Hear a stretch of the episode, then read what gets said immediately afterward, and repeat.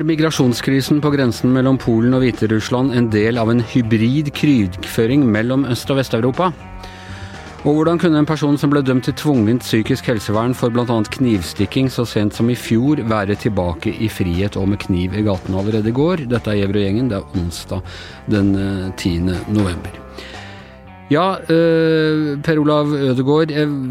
Jeg uh, sa rett før sendingen her, uh, kalte det en flyktningkrise mellom, mellom Polen og Hviterussland, og du rettet meg til en migrantkrise. Hva, hva, er forskjellen? Det er jo det at man vet ikke helt hvem disse menneskene er, om de har flyktninger, om, skal, om man kan kalles flyktninger, migranter. Det vi vet er at de er asylsøkere. Deres asylstatus er på en måte helt uavklart. Det vi vet er at det kommer mange tusen med hviterussiske passasjerfly da, fra uh, utgangspunkt uh, i um, Midtøsten. De har åpnet sånne flyruter um, hvor de gir uh, folk fra land, spesielt land som Irak, Syria, Afghanistan, um, turistvisum til Hviterussland. Uh, og peker ut en vei videre til uh, Europa, for de har nok ikke tenkt å bli i Hviterussland. Så det er sånn at uh, Hviterussland liksom shopper asylsøkere fra, fra, Midtøsten?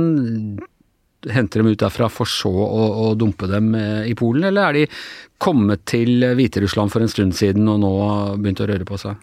Dette startet egentlig på våren. Det da var da, eh, jeg tror det var i mai, da åpnet eh, Hviterussland med flyvninger fra Midtøsten og, til og, og, noen ganger via Tyrkia, men fra Midtøsten til Hviterussland. Og de tilbød da at man skulle gjøre det enklere for å få et visum, et enkelt turistvisum til Hviterussland. Eh, riktignok så har de betalt veldig mye dy, i, høye, i dyre dommer for dette. Det har ikke vært noen billig, det har ikke vært noe billig feriereise til Hviterussland. Men eh, det som Eh, og Det som skal da ha skjedd, etterfølge hvordan EU har vurdert dette og den informasjonen de har hentet inn, så er jo dette De tas jo imot i Hviterussland, og de eh, fraktes jo da i grupper til grensene mot eh, EU-land, og da først og fremst Polen, men også uh, Latvia og, og, og Litauen. og da er de liksom på en måte overlatt til seg selv. og noen har da klart å komme seg inn i EU. Og andre er nå blitt stanset. Så ble dette voldsomt trappet opp for noen dager siden, for da kom det store grupper. Tidligere var det mindre grupper, og da var det en del som klarte å komme seg inn i EU. Eh, nå kom det store grupper, mange hundre samtidig, og de angrep, de prøvde å bryte ned de, eh, de sperrene og de gjerdene som Polen hadde oppført på grensen. Og Da ble det en mye farligere og større situasjon. Og så er det altså spekulert i, og, det blir vel rett ut påstått, at dette er noe Hviterusslands president Lukasjenko bruker som et bevisst middel, en, en, en form for ja, det man kaller hybrid krigføring, eller et, uh, et, våpen, eller kapasitet, tror jeg man, man kaller det i, i sånn militær terminologi, for å ramme Polen i første omgang og, og og EU eh, i en større sammenheng? Ja, altså EU-kommisjonens eh, talsmann eh, kalte jo Lukasjenko-regimet at de begynner å oppføre seg som et gangsterregime. Og han mener at de lokker altså mennesker i en vanskelig situasjon, i nød, til landet under, med falske, med, under påskudd at de skal klare å få de videre til Europa. Og at dette da blir jo oppfattet som en slags hevn, en slags reaksjon på at Hviterussland og Lukasjenko og hans, hans, folk er blitt utsatt for sanksjoner fra EU, og at EU så tydelig har tatt opposisjonens parti i, i uh, Hviterussland. Vi husker det presidentvalget i fjor, som eh, ingen i opposisjonen aksepterte som verken fritt eller rettferdig, og som heller ikke ble anerkjent av vestlige land. Og eh, de store store demonstrasjonene etterpå, som ble slått brutalt ned av regimet. Så rett og slett det Lukasjenko da gjør, ifølge EU eh, e og ifølge vestlig etterretning, det er å dumpe eh, migranter på Polen og EU eh, for å skape kaos og politiske motsetninger og som en straff, rett og slett? Ja, eller for å prøve å legge et press for å få opphevet sanksjoner. Um, fra, fra Hviterusslands side så kan det jo være at de da vil prøve på det. Nå vil jo dette snarere gjøre at Hviterussland blir utsatt for ytterligere sanksjoner fra EU. For EU virker ikke som de har tenkt å gi seg på dette her. Det, det tragiske er jo at det er en god del at det er tusener av sivile som på en måte befinner seg på grensen, eh, overlatt mer eller mindre til seg selv, eh, og eh, som er lokket dit, og, og, som på en måte ikke har noen vei tilbake. Ja, for, fordi Hviterussland stenger da stenger, altså Det er bare utgangsdør, og kommer ikke, de kommer ikke tilbake dit igjen etterpå, etter å ha sluppet ut? Jo, det er jo en del som er blitt igjen i Hviterussland som har gjort et forsøk på å komme seg videre, men som fortsatt er der. De snakker om at det kanskje er 10 000 nå migranter fra Eh, fra eh, Midtøsten og Afrika som da befinner seg i Hviterussland, som egentlig ønsket å komme seg videre. Eh, men det er også en del, noen tusen som har klart å komme seg til, til Tyskland. Det er jo også interessant å se hvordan rolle Russland spiller her. Vi husker jo det Eh, Anders, i 2015 hvor det kom så mange opp på Storskog. det plutselig så, Storskog var en sånn grense hvor det kom liksom gjennomsnitt fem, fem stykker i året, eller sånn, fem asylsøkere i året, tror jeg. Og så plutselig kom de syklende rett og slett over, over grensen i, i hopetall? 5465 kom de i 2015, jeg slo det opp. Og det var jo liksom en, og det var jo, det var jo selvfølgelig i forbindelse med den store eh, flyktningstrømmen som kom i 2015, hovedsakelig pga. krigen i Syria. Eh, men dette, mange av de som kom til Storskog da, hadde jo bodd i Russland i mange år. Eh, før de da ble, og da, Det var jo også en organisert form hvor de ble eh, Det var grupper i Moskva som da sørget for at de kom seg til grensen. De ble utstyrt med sykler og kom seg til Norge. og Det skapte jo en ganske kaotisk situasjon der. Minner jo noe om det vi ser nå. Og Russland, Vi vet jo at Russlands langsiktige interesser er å, å, teste på en måte både EU og Nato og eh, skape uro i, eh, innenfor den vestlige alliansen. Eh, skape situasjoner som, eh, som fører til eh, usikkerhet, eh, økt usikkerhet kanskje, og reaksjoner kanskje mot myndigheter. Eh, og på i hele tatt teste beredskapen på vestlig side. Og gjerne ved å bruke nettopp altså ramme oss på, på, det vi i Vesten liker å kalle våre liberale verdier. Uh, for, for dem. Det er en ganske bred oppfatning, har jeg inntrykk av, i norsk etterretning og, og politikk og i det hele tatt, at dette ja, Storskog at det var en reaksjon på da Norges eh, reaksjon på, på Russlands uh, okkupasjon og ekspansjon i, i Kaukasus? Ja, det er naturlig å tenke det, og jeg tror vi må se det som um, Lukasjenko gjør, på samme vis. Og eh, det er jo veldig vanskelig å forestille seg at Lukasjenko har blitt, han har blitt knyttet mye tettere til Putin nå, pga. at han er blitt frosset ut på en måte fra, fra EU. Og, eh, og Russlands utenriksminister Sergej Lavrov sa jo i går at nå nå bør EU på en måte gi økonomisk assistanse til Hviterussland. for eh, Det er det som skal, skal stanse denne strømmen. Da, og eh, Han sier at det, dette er egentlig EUs ansvar. Dere har lokket med deres uh, forbilledlige samfunn. Nå får dere ta ansvar for disse flyktningene. Og Vi så også at uh, Tysklands statsminister uh, enn så lenge Angela Merkel har, har ringt Eh, Vladimir Putin og bedt han gripe inn i flyktningkrisen. Ganske klart signal om at Merkel og EU mener at Putin til syvende og sist står bak her? Helt klart. Og jeg tror, ikke, jeg ikke Lukasjenko er så bekymret for nye sanksjoner fra EU. De det er ganske mange sanksjoner på plass allerede uten at de har fått han til å endre kurs. Han, men han har blitt drevet mye tettere inn i det partnerskapet med, med, Russland og Putin, som fra før var sterkt, men som nå har blitt enda mye sterkere. Og Putin er den som bestemmer og kan fortelle når dette tar slutt, eller om det skal fortsette. Må jo si med Putin, gammel eh, KGB var han general forresten, eller i hvert fall uh, høytstående KGB-offiser. Ganske flink til å kødde med Vesten.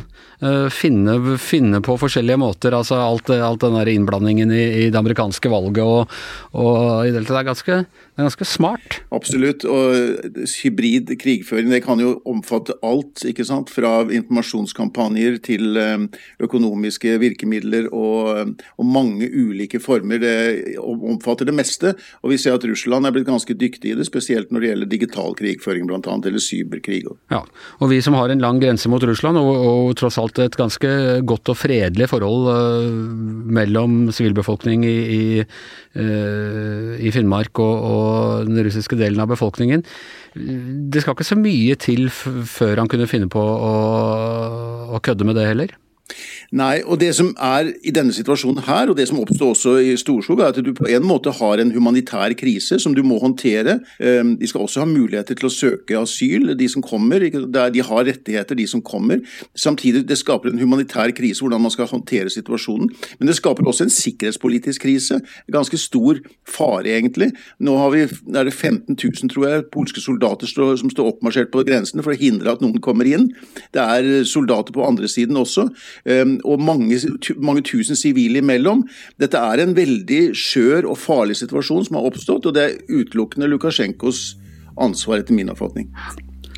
Ja, vi skal prate om uh, annen alvorlig ting uh, her. Uh, I går så, så, ble altså en mann skutt og drept av politiet etter at de hadde kjørt på ham to ganger. Etter at han med bar overkropp og bevæpnet med kniv hadde gått til angrep på, på flere uskyldige personer på, på Bislett i Oslo. Det er en sak som, som har preget nyhetsdøgnet her hjemme.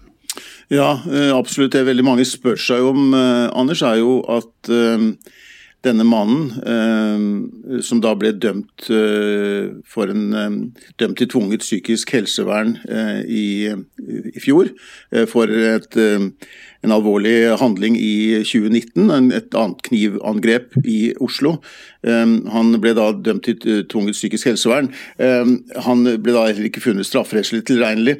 og det, jeg tenkte å spørre deg, Anders, fordi at dette med å bli dømt til psykisk helsevern, det er jo noe ganske annet enn å bli dømt til en fengselsstraff for en alvorlig forbrytelse. Ja, det, det, er jo rett og slett ikke en, en straff, det er jo å, å bli dømt øh, til øh, behandling. Og det er jo i utgangspunktet en, en, Altså, de aller fleste land har en eller annen form for at du, at du ikke skal straffes hvis du er altså i, i, Norge er det da hvis du er psykisk veldig syk, hvis du er øh, barn øh, og umyndig, øh, hvis du er mentalt tilbakestående på, på, et nivå hvor du ikke kan se så liksom, ansvar for egne handlinger, og, og det er vel også noe med, med, rus, hvis du er så berust at du ikke vet hva du har gjort. Men det som gjør Norge litt annerledes fra de andre landene, og dette fikk vi jo en diger debatt om for, for ti år siden under 22. juli-rettssaken og rett før den, det er at vi følger noe som heter det medisinske prinsipp. Og det vil si at hvis man mener å kunne ha påvist en psykose hos gjerningspersonen idet forbrytelsen er utført, så skal uh, personen uh, dømmes til, til, behandling og ikke til fengselsstraff. I Sverige f.eks. Uh, har, har de hatt det psykologiske prinsipp, og da vil det si at du må lide av en sykdom som har vært styrende Eh, for, for, det du gjorde, altså forbrytelsen, må ha vært resultatet eh, av en sykdom. Det det fører til i Norge, er at en person som eh, er psykotisk i gjerningsøyeblikket, og, og kan bli kjent det av, av eh, de rettssakkyndige, dermed dømt til, til tvungent psykisk helsevern, er ikke er i det øyeblikket det medisinske personellet erklærer han eller henne for Eh, frisk igjen, så er straffen eh, over. Jeg aner ikke hva som har skjedd akkurat i denne saken her, men det høres kanskje sånn ut. Eh, denne personen har, var da i en psykose da han stakk ned på nesten samme måte fullstendig uskyldige personer på Grünerløkka Eh, i Oslo eh, i en psykose. Eh, psykosen har opphørt, og da, da, har man ikke noen midler til å holde på personen lenger. Nei, og det er vel akkurat det som overrasker mange nå, at han da var på en måte ute så, såpass tidlig etter at han hadde eh, blir tvunget til, eh, til, psykisk helsevern. Men du har jo fulgt mange saker, Anders. Du har jo sittet i rettssaken og du har skrevet om mange saker. Bl.a. Terror, den store terrorsaken i 2011 selvfølgelig, men også andre. Hvor, dette, hvor hele denne avveiningen hvem, om man skal finne den tiltalte strafferettslig tilregnelig eller ikke om man var psykotisk i gjerningsøyeblikket. Dette er jo veldig vanskelige saker og krevende å ta stilling til der og da.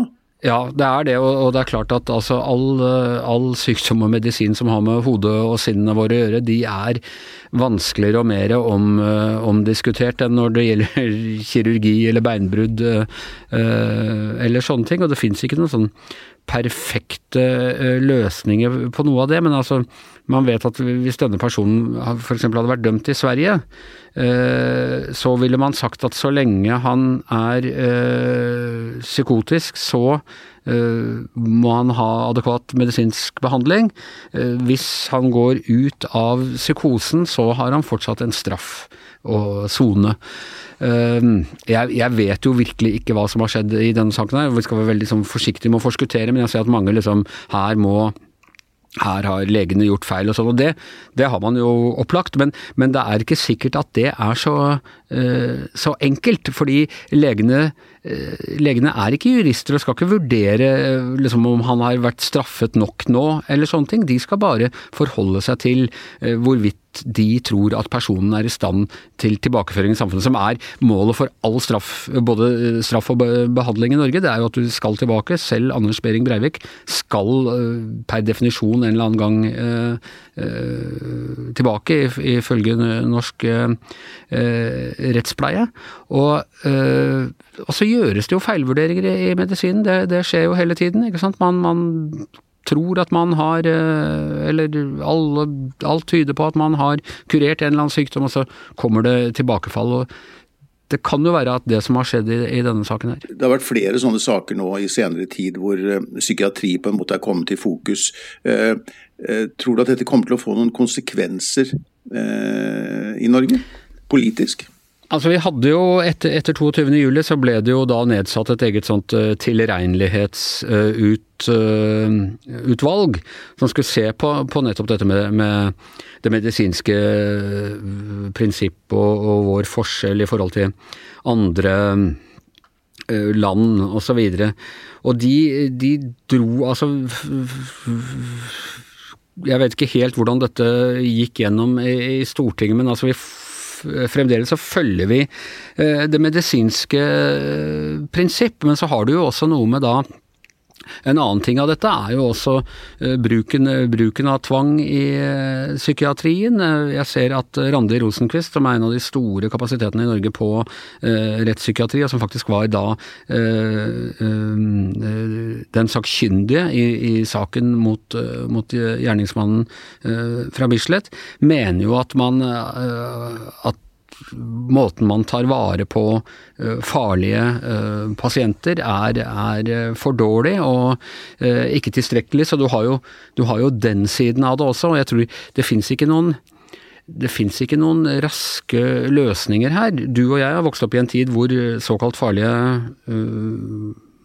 pasienter ble stua bort på institusjoner som husker Reitgjerdet Eh, og sånn, hvor, hvor, folk var i 30-40 år, og, og, da det ble lagt ned sånn på slutten av 70-tallet, ble de mange av dem tilbakeført til kommunene sine med, med, ganske store konsekvenser for, for de, de, stedene de kom. Så jeg tror ikke dette dette er, dette er, av de vanskelige ting vi håndterer her i samfunnet. Jeg tror ikke noen kan påberope seg å ha en quick fix på det på noen som helst måte. Hva gjør vi med de personene som uh, ikke er i stand Eller som er så borderline, og som du ikke kan vite helt om er farlige for seg selv og, og andre eller ikke? Nei, for Her handler det jo på ene side om å beskytte samfunnet, men så handler det jo også om å gi rett behandling til mennesker som virkelig har behov for det. Um, Så her er det jo mange hensyn å ta samtidig. Ja, og du har f.eks., og det vet for lite om denne saken her, men du har jo en del psykose som er sånn utløst av rus. Det var en, en stor sak i dette halloween-drapet i sin tid, som også skjedde på, på Bislett, akkurat i samme nabolaget som denne her, hvor, hvor, personen som da drepte en kamerat og, og skadet en annen veldig, ble eh, dømt til tvungent psykisk helsevern, altså da dermed på en måte frikjent for eh, straff fordi han var i en eh, psykose påført av, av rus. Og det er jo også da noe av vanskeligheten, at hvis en person som da ser ut til å fungere helt bra igjen, slipper ut og så begynner å ruse seg og, og, og psykosen uh, gjenoppstår, så er det vanskelig for medisinsk personale å si at det nå er vi sikre på at det ikke kommer til å skje, for det vet vi jo alle som har med, vært borti folk med rusproblemer, at sånne ting kan være det går ikke an å si eh, på forhånd at denne personen kommer aldri til å ruse seg mer. Og med det så eh, er Giæver og gjengen eh, over for i dag. I eh, hjemmestudio Per Olav Ødegaard. Jeg heter Anders Giæver, og vår faste produsent er som vanlig Magne Antonsen.